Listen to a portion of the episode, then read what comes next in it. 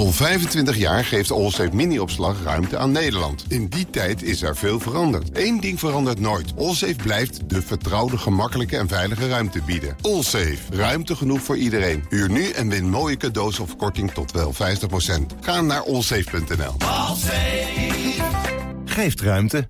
Voor je gaat luisteren, eerst nog even dit. Mijn naam is Paul van Diemt, ik presenteer bij BNR de podcast De Strateeg. En daarin onderzoek ik wat de grote ontwikkelingen zijn op het gebied van technologie, klimaat, geopolitiek, oorlogsvoering en veel meer. Wat betekenen ze voor Europa, voor Nederland en dus voor jou en voor mij? Je vindt hem via bnr.nl of je eigen podcast-app.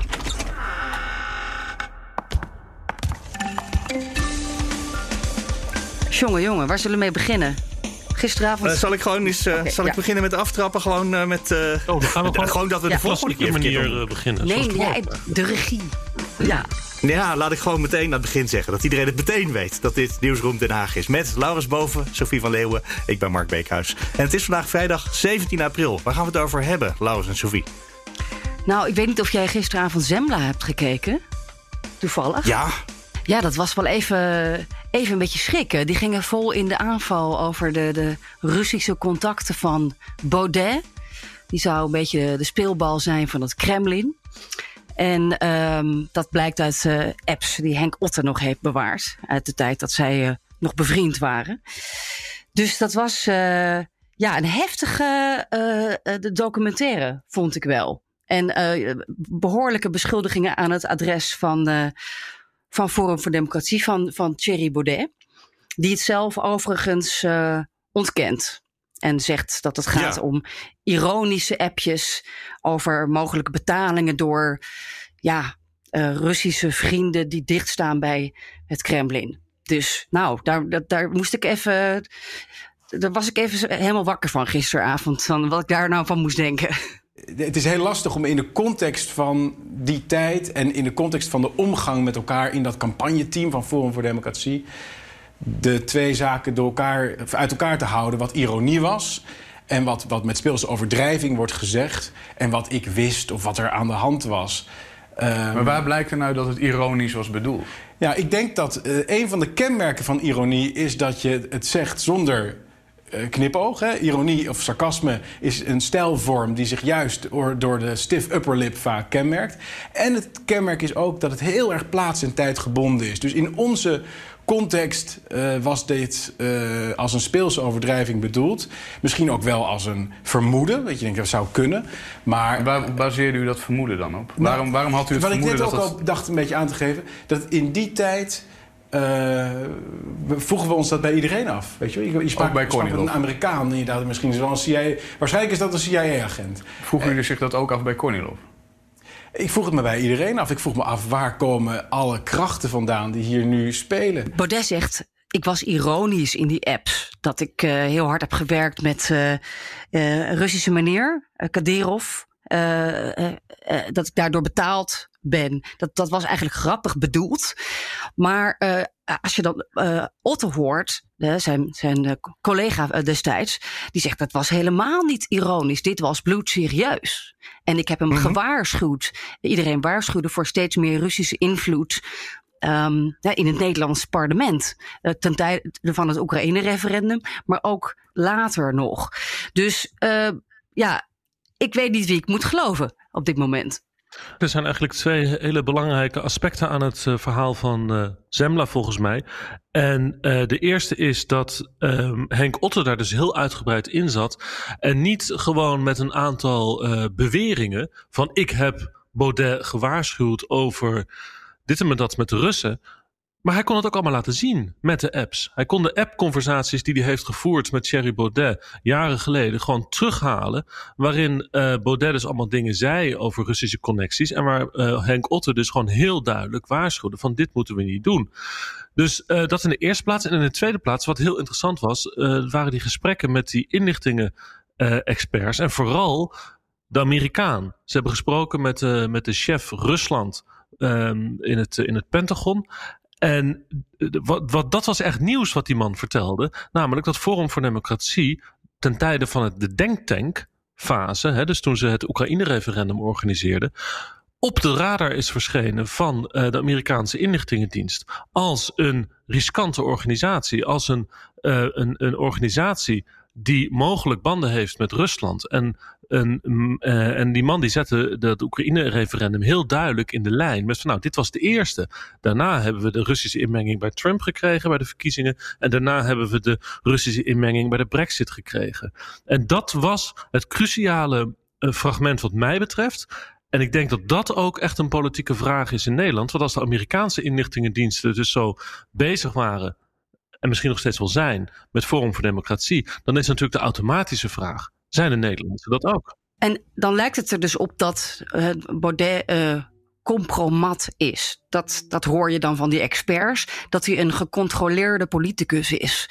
Uh, in een pion vanuit Moskou. Ja, dus eigenlijk, misschien heeft hij ooit geld aangenomen, maar he, niet, niet nu in de Tweede Kamer. Misschien wel ten tijde van het referendum. Maar wordt hij uh, eigenlijk sindsdien gestuurd uh, door die figuren die om hem heen hangen, ook in het Europees Parlement, uh, onder andere. En, en is het een soort van uh, Hotel California, een situatie waar je niet uit kunt. Dat is eigenlijk ook iets wat wordt gesuggereerd. Uh, ook over politici zoals Marine Le Pen bijvoorbeeld, die een grote lening had ook in Rusland lopen. Qua binnenhofse politiek zie je dat Thierry Baudet dit allemaal heel serieus neemt. De, de, het werd eigenlijk al voorspeld sinds de breuk vorig jaar of is twee jaar geleden, met Henk Otte.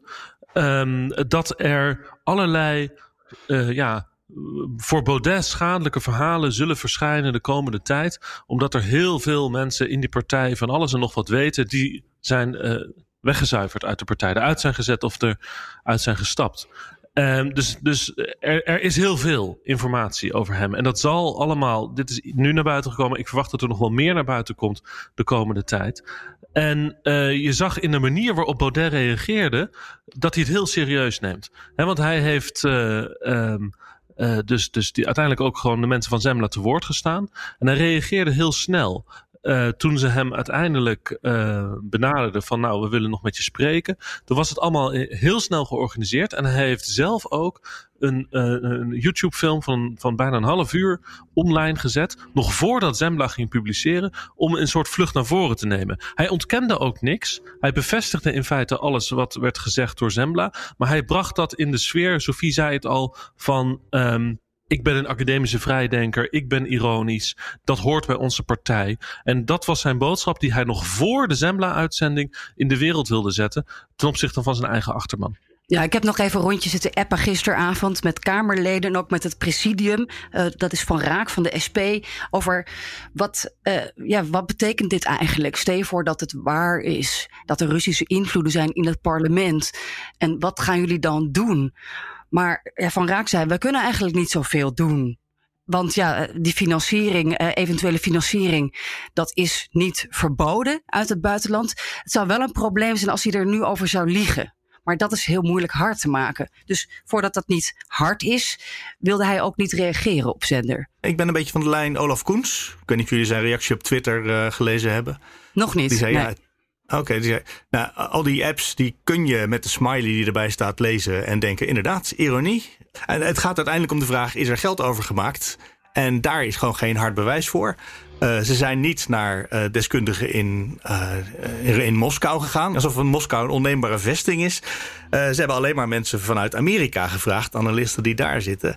Ze zijn niet ja, naar Moskou die zijn ook gegaan. niet per se. Ze zijn niet naar Moskou gegaan vanwege de corona-uitbraak. Ze konden niet meer naar Moskou. Daarom dat het een interview per Skype was. Ja, ja, ja. Uh, maar ze hebben natuurlijk alleen maar die ene journalist, schuine streep activist, schuine streep handlanger van Poetin. Want dat is de suggestie die daaronder zit. En aan de, aan de Amerikaanse kant, ja, maar Amerika daar hebben ze wel een paar sprekers. Maar Amerika is ook niet per se een neutrale partij in deze. Want Amerika en Rusland vechten gewoon uh, een, een, een ruzie uit op het ogenblik. Dus ik, ik, ben, ik was niet zo overtuigd als jullie volgens mij zijn met z'n tweeën. Nee, ik zeg niet dat ik, uh, dat, dat, ik per se overtuigd ben van het een of ander. Maar um, het is. Dit, dit, dit is wel, de, ja, denk ik, toch een probleem voor, voor Baudet. Dat hij, ja, dat nu toch zo ja, weer met Rusland wordt in verband gebracht. En zeg je dan eigenlijk, het maakt niet uit of het waar is. Het is nu weer een verhaal wat rondgaat en daar heeft hij last van. En daarom is het belangrijk. Het blijft hem achtervolgen. En de vraag is ook, wat, ja, wat, is, wat, wat doen eigenlijk de Nederlandse inlichtingendiensten? En gaat er nog verder gegraven worden? En wat Laurens ook al zei. Maar in dat geval, in dat geval zitten wij nu in de categorie hearsay. Uh, die nog niet bevestigd is, maar we bevestigen nu wel het beeld.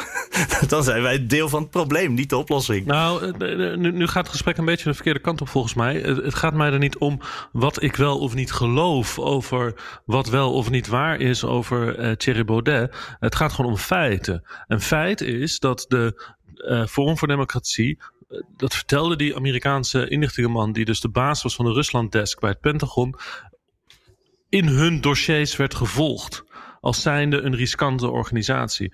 En feit is dat dit een partij is die heel belangrijk wordt bij de volgende verkiezingen. En de vraag is dus of um, dit inderdaad een, een, een partij is die ook door Nederland wordt gevolgd. Want als die door de Amerikanen wordt gevolgd, dan, dan moet hij ook in de dossiers van de AIVD en de MIVD zitten. Er zijn aanwijzingen voor dat. Um, laat ik het anders zeggen. Uh, het kabinet heeft heel vaak gewezen op de uh, gevaren van, van Russische inmenging in Nederlandse uh, politieke discussies.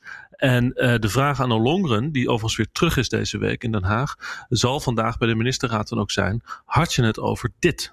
Toen je die brieven schreef over die Russische inmenging? Is, heb je het in feite over Forum voor Democratie? Dat is een politieke vraag die de komende weken gewoon zal worden besproken. Of je het nou eens bent of, uh, of gelooft wat Zembla brengt. Er is een politieke situatie ontstaan waarbij er vragen zijn gerezen over um, uh, het verleden van Baudet. Wat op zich ook bekend is. Hè? Het, is het is natuurlijk al tijden bekend dat hij pro-Russisch is. Nou, er is een nieuw aspect bijgekomen. Ik, er was trouwens nog een andere aardige um, situatie met uh, Thierry Baudet deze week. In uh, de beide Kamerdebatten. Het, uh, gisteren het grote coronadebat, donderdag. En eerder deze week de, een, een debat over de arbeidsmarkt. En dat is dat je ziet dat er iets moois aan het bloeien is tussen uh, Thierry Baudet en Wiebren van Haga. Je, het VVD-Kamerlid wat uh, uit de fractie gezet is en voor zichzelf uh, doorgegaan is. En uh, het is al een tijdje een vraag in Den Haag. Wat gaat Wiebren toch eigenlijk doen? Hij heeft zich geconformeerd nog steeds aan het regeerakkoord. Dus hij is een trouwe 76ste zetel van het kabinet. Dus als het gaat over afspraken uit het regeerakkoord, dan steunt hij die gewoon. Maar als het over andere zaken gaat, dan zie je dat hij heel erg close is de laatste tijd met Thierry Baudet. En um, wat heel leuk was, wat mij opviel in het debat afgelopen uh, dinsdag, was dat zij bijvoorbeeld moties tegenwoordig standaard samen indienen. Ik... Ik geef het woord aan de heer Baudet van Forum voor Democratie. Dank u wel. Ik wil graag twee moties indienen. Uh, de eerste de Kamer gehoord de beraadslaging verzoekt de regering te onderzoeken of het huidige noodpakket uitgebreid kan worden en gaat over tot de orde van de dag. Deze motie is mede ondertekend door ambtgenoot Van Haga. Wordt de indiening van deze motie voldoende mate ondersteund? Het is het geval, maakt deel uit van de beraadslaging. Dank. Mijn tweede motie en deze is ook mede ingediend door Pieper Van Haga. Dank u wel, meneer Baudet. Ik geef het woord aan de heer Van Haga. Dank u wel, voorzitter. Ik heb drie moties. De Kamer gehoord de beraadslaging, constaterende dat een kleine groep ZZP'ers nog oude WW-rechten heeft, gaat over tot de orde van de dag, mede ingediend door ambtgenoot Baudet. Wordt de indiening van deze motie in voldoende mate ondersteund? Gaat over tot de orde van de dag, mede ingediend door ambtgenoot Baudet. Dat is het geval, maakt deel uit van de beraadslaging. De Kamer gehoord de beraadslaging, gaat over tot de orde van de dag, mede ingediend door ambtgenoot Baudet. Wordt de indiening van deze motie in voldoende mate ondersteund? Dat is het geval, maakt deel uit van de beraadslaging. Wat je dus hier hoort, Mark, is dat ze uh, niet alleen dus samen optrekken met die moties, maar um, Wiebe van Haga neemt ook het taalgebruik over van Thierry Baudet. hij heeft het over ambtsgenoot. Dat is een woord wat, uh, wat Baudet heeft geïntroduceerd. Baudet wil niet over collega's spreken, maar hij heeft het altijd over ambtsgenoten. Nou, Wiebe van Haga neemt het over. En ik heb eerder, uh, viel het me op, dat Wiebe van Haga ook het woord partijkartel tegenwoordig gebruikt. Um, dus je ziet eigenlijk, en dat is volgens mij de, uh, we hebben het allemaal nog niet, het is allemaal nog niet zeker. Die mannen die weten het allemaal nog niet helemaal zeker. Maar de kans is denk ik heel groot dat we Wieber van Haga straks bij de volgende Tweede Kamerverkiezingen op de lijst van Forum voor Democratie gaan zien. He, Baudet die heeft natuurlijk heel veel uh, kandidaten straks nodig. Hij heeft een probleem met zijn personeel binnen zijn partij. Want er zijn de, helft ervan is overgestapt naar Henk Otter zo'n beetje van die kieslijsten. Dus hij moet een behoorlijk verse lijst pre presenteren. En um, volgens mij is het wel overduidelijk tussen de regels dat Wieber van Haga graag wil. Uh, die ja. wil door. Ja, niet alleen jij zag dat. De premier zag het ook, hè? De premier zag het ook gisteren in het debat. Motie nummer 20 van uh, uh, ambtsgenoten Haga en Baudet. Er wordt ook openlijk geflirt. Hè. Ik zag in een eerder debat ook uh, dat Baudet complimenten gaf aan Van Hagen over zijn manchetknopen. Dus ook op die manier uh, zie je de vriendschap opbloeien tussen die twee. Ik heb ook wel eens uh, met hem gesproken van en ben je er klaar voor? Ga je je aansluiten?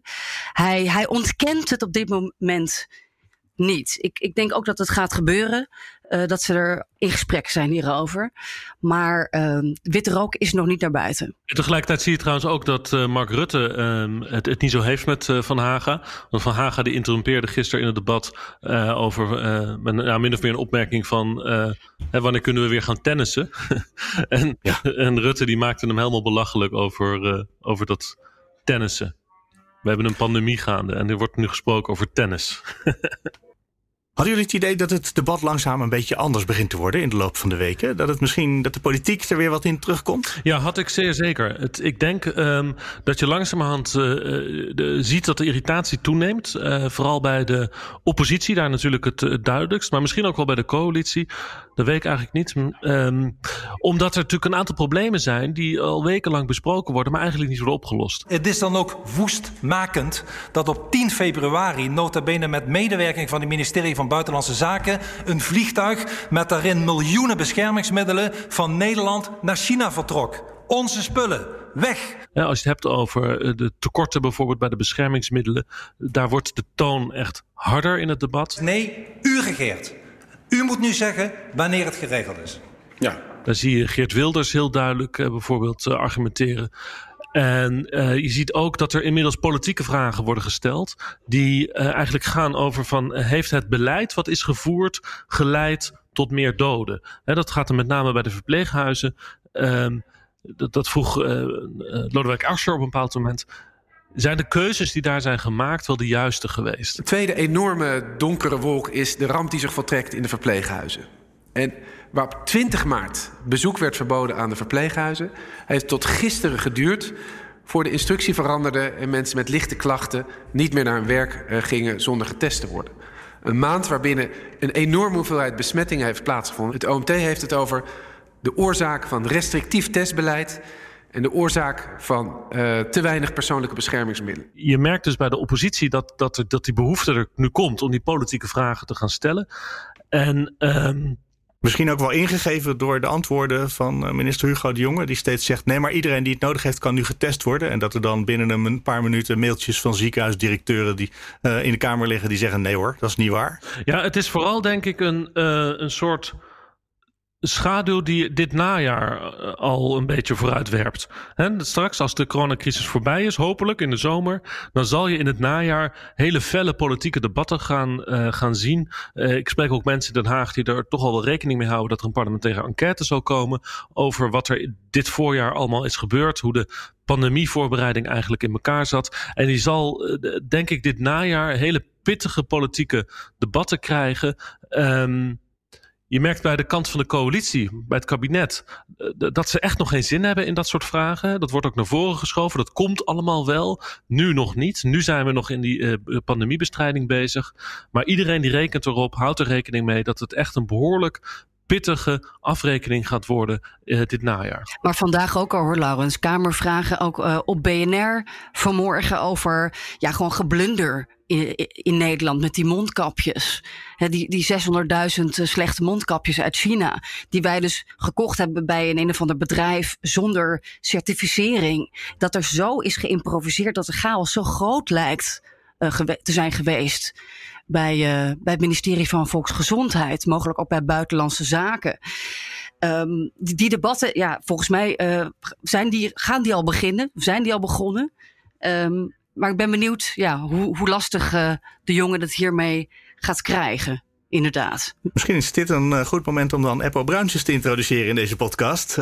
ChristenUnie, Kamerlid, dus hoort bij de regeringscoalitie.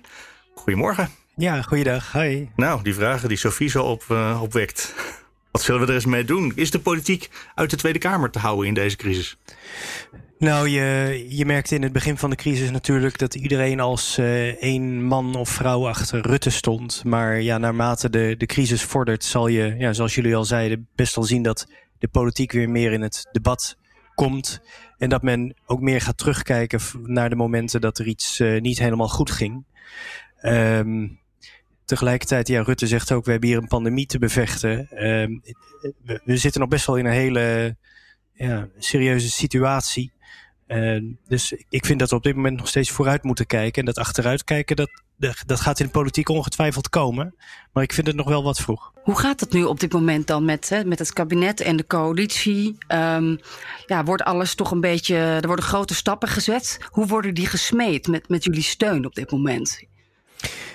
Ja, er zijn natuurlijk uh, op dit moment wordt vooral het economisch steunpakket in elkaar getimmerd. Dat gebeurt ook met grote haast. Um, dat gaat door de Kamer zonder dat we weten wat erin staat eigenlijk. En dan komt er al groen licht ongeveer. Nou, het, het gebeurt wel allemaal uh, nog steeds heel democratisch, uh, volgens alle regels. En ook uh, voor het volk, zoals dat dan heet, te volgen. Het, is wel, het zijn openbare debatten. Alleen, ja, alle aandacht gaat natuurlijk uit naar dat ene coronadebat in de plenaire zaal. Maar ik zit toch één, twee dagen in de week in een, in een achteraf commissiezaaltje. Waarvan Kadisha Riep altijd zegt: die debatten zijn net zo belangrijk als in de plenaire zaal. Alleen ja, het is toch minder zichtbaar. Uh, maar daar worden de, de, de begrotingen en, en al dat geld van het financieel-economische steunpakket op een hele nette democratische manier uh, behandeld. Hoe gaat eigenlijk Apple op dit moment de, het met de coalitie? Hè? Want de, we kennen deze coalitie in de normale tijd als een coalitie die heel veel overleg moet voeren om de zaak draaiende te houden. Hè, om alle dingen af te stemmen. Er zijn heel veel coalitieoverleggen natuurlijk het coalitieoverleg van de, van de partijleiders op maandagochtend altijd. Maar jij zit zelf ook in heel veel van dat soort overleggen. Hoe zorgt de coalitie er op dit moment voor dat ze uh, de zaak intern afgestemd houden? Ja, we, uh, er ligt, uh, wat je wel merkt is uh, dat, dat waar je in normale tijden ja, ver, ver vooruit kijkt en al vroeg met elkaar overlegt van joh, dit en dit staat in het regeerakkoord, hoe hebben jullie dat precies bedoeld en hoe gaan we dat nou uitvoeren? Dan merk je natuurlijk wel dat er nu veel meer druk achter zit. Maar er wordt nog steeds wel op dezelfde manier ook overlegd. En ja, ik als woordvoerder aan die financieel-economische kant. Hè. Ik doe financiën, economie, sociale zaken, werkgelegenheid, onderwijs, luchtvaart. Allemaal zaken die in de crisis echt naar voren komen. Daar is uh, nog steeds heel veel overleg voor. Uh, want het kabinet moet wel weten dat ook al zetten ze nu hele grote stappen en hele snelle stappen, dat er wel een democratische meerderheid is. En dan moet je dus wel met elkaar overleggen. Niet alleen in de coalitie, maar ook breder. Maar hoe gaat het dan? Dan krijg je even een appje. Nou, zullen we dit doen? Beter mee eens? Uh, hoe snel gaat dat? Die stroomversnelling. Ja, we, ja het, het, gaat met, uh, met, met appjes uh, en, en via de secretaresses uh, afspraken maken. en ik zit wel iedere dag in een overleg van een van de met, met de coalitie en soms dus ook breder. Om te kijken van nou, als we die kant op gaan, gaan, we dat, gaan we dat redden in de Kamer. Want je, Eén keer per dag, zei je?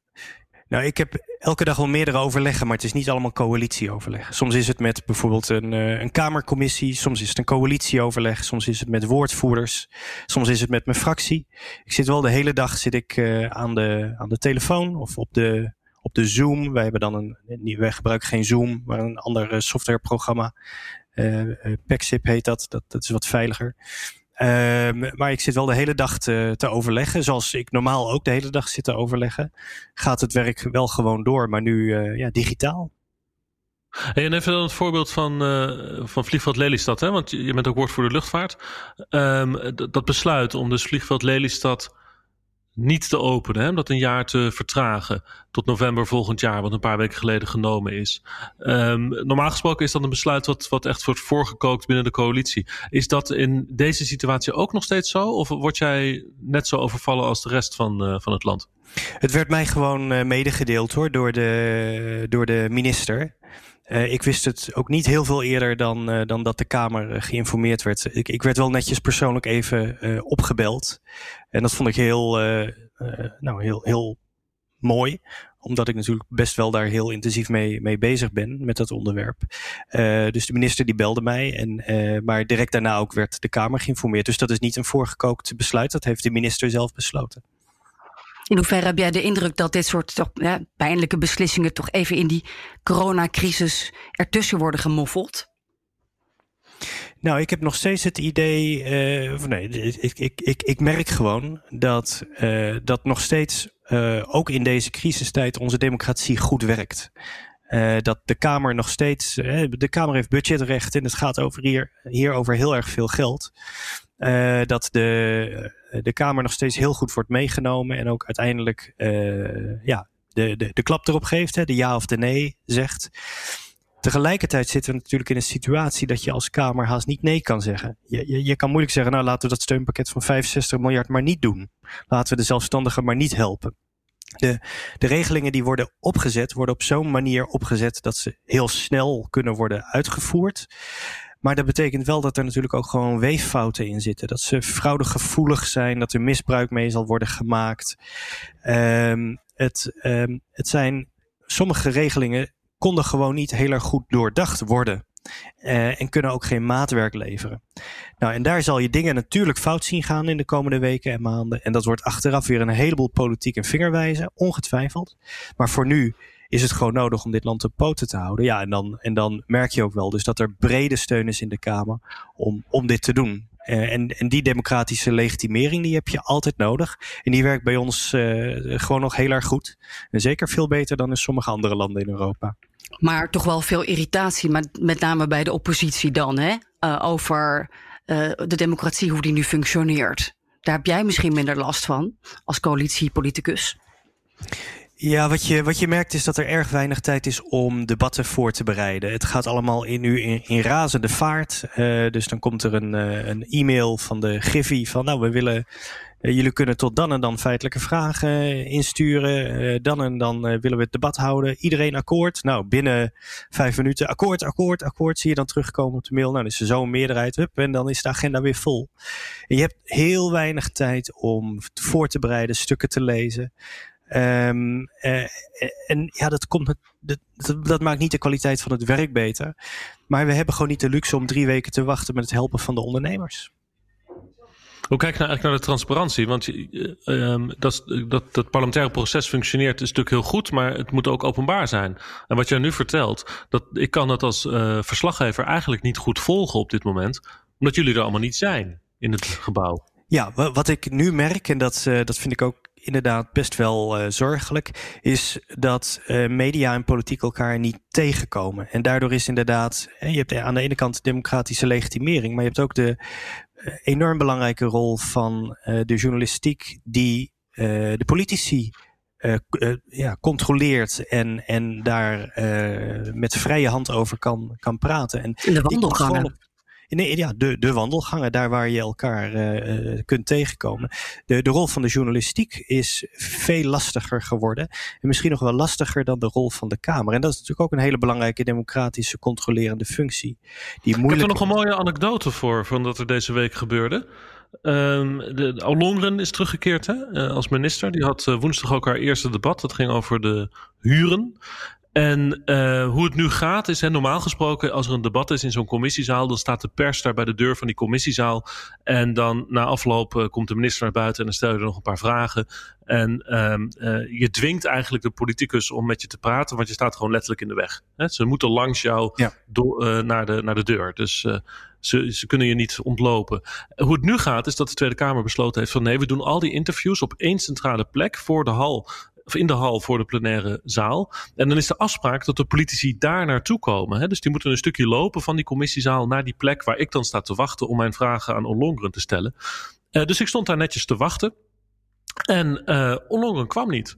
En ik belde de, de woordvoerder op en ik vroeg aan de woordvoerder van de Tweede Kamer van goh, uh, komt ze nog? Want dat uh, zij zouden dat hebben afgesproken. Dus ik belde die woordvoerder op en die woordvoerder zei van nee, maar we hebben voor, aan het begin van het debat uh, hebben, we al met de pers gepraat. Dus ze was eigenlijk niet, ze moet ook meteen door. Dus ik dacht van ja, maar wacht even, zo werkt het niet. Dus als, als de, die afspraak in elkaar valt dat de minister niet naar mij toe komt om elkaar in deze coronacrisis gewoon wel een beetje te helpen. Nou, dan moet ik toch daarheen. Dus ik ben toen, ik heb nou al mijn spullen ingepakt. Ik heb vrij veel bij me tegenwoordig, omdat ik allemaal met een hengel moet interviewen en ingewikkeld met kabels. Dus al mijn hele swikkie uh, onder mijn schouder gepakt. En dus naar die commissiezaal gegaan om haar toch voor de deur daar te interviewen. Wat eigenlijk niet mocht van de Tweede Kamer. Um, Maar ik dacht van ja, jongens, weet je, het is of-of. Of, we spreken met elkaar af om elkaar een beetje helpen. En dat de politici niet de pers ontlopen. Of ik moet toch weer gewoon in de weg gaan staan. Wat ik dus heb gedaan. En dat heb ik mijn interview met Ollongren ook gewoon netjes kunnen doen. En, en de, de, de, de woordvoerder van de Tweede Kamer die begreep volledig mijn irritatie en dat ik daar dus toch ben gaan staan. Maar het was eigenlijk niet de bedoeling, hè, want ze willen dus in coronatijden in het parlement ook die anderhalve meter afstand garanderen. En dat kan alleen op die centrale plek. Dus ja, dan moet je een beetje uh, elkaar ook wel helpen. Hè? Ja. ja, dit is heel mooi voor de luisteraars om dit te horen, want dit is inderdaad een heel belangrijk proces in het gebouw van de Tweede Kamer, waar weinig mensen van, van af weten. De politici kunnen altijd ja, gestoord worden en gestolkt worden door uh, journalisten. Uh, op ieder moment, tot in onze kantoren toe, uh, waar we gewoon achter het bureau zitten. En het is nu wel erg comfortabel voor politici dat ze ja, jullie kunnen ontlopen in zekere zin. En ik vind het wel heel goed dat je, dat je er gewoon achteraan gaat. Want Vind jij dat ook wel lekker rustig? Belangrijk. Vind jij dat ook wel lekker rustig, Apple? Dat wij nu niet meer de hele tijd aankloppen en komen leuren voor een verhaal in je nou, kantoor? Ik, ik vind het altijd heel leuk om jullie te zien. ja, ja. ja. Sterker nog, speciaal voor deze opname is Apple Bruins. We hebben gisteren even geprobeerd of we de verbinding goed kregen. In zijn kelder een microfoon en een versterkertje gaan zoeken. Om zijn laptop eh, van een goede microfoon te kunnen verzoeken. Dus daar is hij nu. Uh, hij doet zijn best daarvoor, dacht ik. Ja, ik wil wel een beetje goed geluid hebben, natuurlijk. ja. Nou, het meeste klinkt goed. Ja, nee, maar Apple, je had het, Apple, je had het net over uh, het moordende tempo hè, van de. Ja van, van dat soort debatten, hoe in de snelheid waarmee dat tot stand kwam. Ik heb daar gisteren ook nog wat dingen over gehoord, omdat mij eindelijk eens werd uitgelegd hoe nou eigenlijk die dynamiek gaat rond die plenaire debatten over uh, de corona, zoals die dus één keer per week plaatsvinden. Um, wat er dus gebeurt is dat er uh, op, op maandag komt het OMT bij elkaar. Dat is het uh, adviescollege wat, wat het kabinet adviseert over de coronamaatregelen. Gedurende de hele week stuurt het ministerie allemaal vragen naar het OMT. Nou, op maandagmiddag wordt er dan over vergaderd. En um, op maandagavond, soms pas diep in de nacht, komen de antwoorden van het OMT naar de ministers. Nou, de ministers die uh, hebben dus dat, dat, dat koud in handen en moeten daar dus op dinsdag uh, over gaan vergaderen in het uh, crisiskabinet. Meteen aansluitend is er dan de, de, de, persconferentie. En dan wordt er door de ambtenaren tot weer diep in de nacht gewerkt aan een Kamerbrief van deze week 46 pagina's. Die dan naar de Tweede Kamer wordt gestuurd in de nacht. De Tweede Kamer heeft dan op die woensdagochtend sorry, donderdagochtend deze week een uh, hoorzitting met het RIVM. En direct aansluitend een Tweede Kamerdebat. Um, en als je dat eventjes voor ogen houdt, dat betekent dus dat uh, Mark Rutte en Hugo de Jonge op maandagavond pas te horen krijgen waar zij op dinsdag een besluit over moeten nemen. He, bijvoorbeeld dat gedoe met die apps, dat kwam pas heel laat, echt op het laatste moment. Dus uit dat OMT rollen. En uh, vervolgens moeten ze daar een besluit over nemen. Het land informeren, de Tweede Kamer informeren. De Tweede Kamer moet erover debatteren. Dus iets, dus een idee wat op maandag nog niet eens bestond, wat op maandag uit de koker van het OMT kwam, is op, uh, dat was vorige week, op woensdag besloten door de Tweede Kamer. Die apps ongelooflijk snel hoe dit gaat. En, en ik merk, ik hoorde uh, uh, dat, dat er toch eigenlijk bij het, bij het ministerie van Volksgezondheid, Hugo de Jonge zei daar ook over iets in het debat gisteren, nou, dat, het wel, dat iedereen wel doldraait bij het ministerie. Het is goed dat u die vraag stelt en, en, dat terug naar normaal. Dat zou denk ik eh, mijn departement ook heel graag willen. Want uh, als je kijkt wat daar de belasting is van iedere week dit debat voorbereiden... iedere week die brief uh, voorbereiden waarin alles wordt gemeld wat er die week is gebeurd... omdat uw vragen terecht hoor, maar schier eindeloos zijn. Het aantal sets aan schriftelijke vragen wat de afgelopen week ook weer is binnengekomen... het jongt maar aan. en het departement heeft een crisis te managen... en daarnaast de Kamer zo goed als mogelijk te informeren. Dat vergt een onwaarschijnlijke inzet. Uh, tal van posities, uh, dubbele bezetting. En, en alleen maar overwerken, overwerken, overwerken. Dus ja, inderdaad, het maximale wat wij kunnen doen... Uh, is volgende week ons besluit nemen. Daarna zo goed als mogelijk de samenleving informeren op hoofdlijnen doen we dat. Dat is nooit in het detailniveau wat, wat uw Kamer wel toekomt. En daarna de brief afronden. En dat proberen we voor de nacht afgerond te hebben. En dan proberen we het nog net voor de nacht te kunnen versturen. Dat lukte gisteravond iets over twaalf, volgens mij. Uh, en volgende week uh, zullen we weer ons best doen om dat zo vroeg mogelijk te doen. Maar het is een onwaarschijnlijke hoeveelheid werk. Helder. Ja, ja is goed. Dus de verwachting is een beetje dat die debatten in een lager tempo gaan plaatsvinden de komende tijd. Dat er niet meer elke week een coronadebat zal zijn, maar misschien om de week. Omdat dit tempo gewoon ambtelijk en bestuurlijk niet vol te houden is. Er zit zoveel druk en zoveel snelheid achter die besluitvorming. Dat is ondoenlijk voor, voor Den Haag. Krijgen we nog minder debatten? Ja, maar tegelijkertijd buiten die plenaire zaal komen er meer debatten. Hè? We gaan juist in die commissiezalen gaan we nu echt op stoom komen. We hebben net in alle commissies hebben we besloten welke wetsvoorstellen voor de zomer behandeld moeten worden. Die, hè, die niet kunnen wachten. Uh, dat gaat de komende weken allemaal ingepland worden. Uh, we hebben kan er iedere... echt niet wachten? Kun je één ding noemen? Uh, komende maandag hebben we een wetsvoorstel uh, ongewenste zeggenschap in de telecom. Uh, het gevaar dat Chinese bedrijven onze telecombedrijven gaan opkopen. Nu dat ze ja, in deze crisis minder waard worden. Er moeten heel snel beschermingsmaatregelen komen. Met dat wetsvoorstel waren we al bezig om onze bedrijven beter te beschermen. Later in het jaar gaan we ook breed over alle sectoren meer bescherming bieden aan onze bedrijven. Uh, maar de telecom is zo urgent op dit moment, uh, ook uh, vanwege de discussie met 5G en Chinese inmenging, dat we dat wetsvoorstel nu met grootste spoed door de, door de Kamer willen hebben. Dus dan gaan we maandagochtend met elkaar gaan we dat behandelen. En ga je dat dan alsjeblieft ook transparant doen dat wij wel mee kunnen kijken nu met een videoverbinding? Ja. Of is ja, het gewoon in, in de zaal? Nee, dat is live te volgen. Uh, alle debatten, ook in de commissiezalen, zijn live te volgen uh, via internet. Uh, en het enige wat niet te volgen was, dat waren de zogeheten procedurevergaderingen, waar we als commissie met elkaar spreken over, nou, hoe gaan we die brief behandelen of hoe gaan we dit wetsvoorstel behandelen. Uh, maar daar komen schriftelijke verslagen van achteraf, die de bevolking kan nalezen. En, uh, en er wordt ook geprobeerd om die nu ook op camera te kunnen volgen. Dus dan kan je dus eigenlijk live meekijken met de, met de videocall die de kamer, Kamerleden hebben. Dus als het goed is, is alles openbaar, kan alles mee, uh, meegeluisterd en meegekeken worden. Uh, en zeker die wetsbehandelingen, die zijn allemaal uh, democratisch controleerbaar mee te kijken. Ik kijk er naar uit. Meer debatten, hè, Sophie? Meer debatten. Ach, we vervelen ons zo. ik zie er ook wel naar uit hoor, om weer echt uh, op stoom te komen. Want uh, uh, alles vanuit huis doen is toch niet hetzelfde als in, dat, in die hele bijzondere omgeving in Den Haag te mogen werken. Ik denk dat we aan het einde komen van deze podcast. Nog heel even, niet iedereen heeft een uh, microfoon in de kelder liggen. Uh, waarom heeft Eppo Bruins een microfoon in de kelder liggen? ik, uh, ik, ik, ik ben muzikant. Ik speel piano, begeleid zangers en zangeressen. Dus ik heb muziekapparatuur, mengpaneel, ja. microfoons. ik, heb, ik heb mijn eigen studio eigenlijk. ik kan een, ja, een optreden verzorgen zodra dat weer mag van de coronamaatregelen. Kun je ons een mp3'tje sturen? Dan uh, laten we de luisteraar even meegenieten. Uh, ik, uh, ik zorg wel even dat ik een. Uh, ik doe wel even een YouTube-linkje van een van de, van de liederen die, waar ik piano speel en waar ik een zangeres begeleid. Dankjewel, zeg ik tegen Apple Bruins. Maar dat zeg ik ook tegen Sophie van Leeuwen en Laurens Boven. Er zijn dagen in ons leven, dan volgen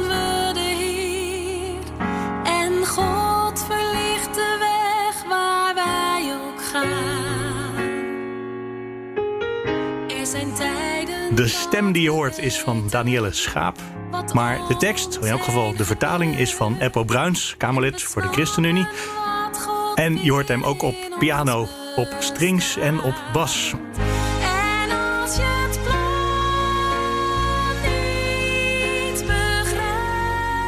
We komen aan het einde van Nieuwsroom Den Haag. Misschien wil je reageren. Mail dan naar nieuwsroom.bnr.nl of nieuwsroom.fd.nl. En zo kwamen er bijvoorbeeld, na aanleiding van de aflevering van gisteren, een paar hele goede vragen binnen. Over het item wat we gisteren hadden over hoe de scholen weer open kunnen. Nou, antwoord op die vragen heb ik zeker niet, maar ik heb de mails wel doorgestuurd naar Ilse, die je gisteren ook in de podcast hoorde. Dus wie weet dat dat nog weer leidt tot artikelen in de krant. En dan misschien ook wel weer items in de podcast hier. Voor de trouwe vrijdagse luisteraars zeg ik heel graag tot volgende week. En voor de dagelijkse luisteraars een goed weekend en tot maandag.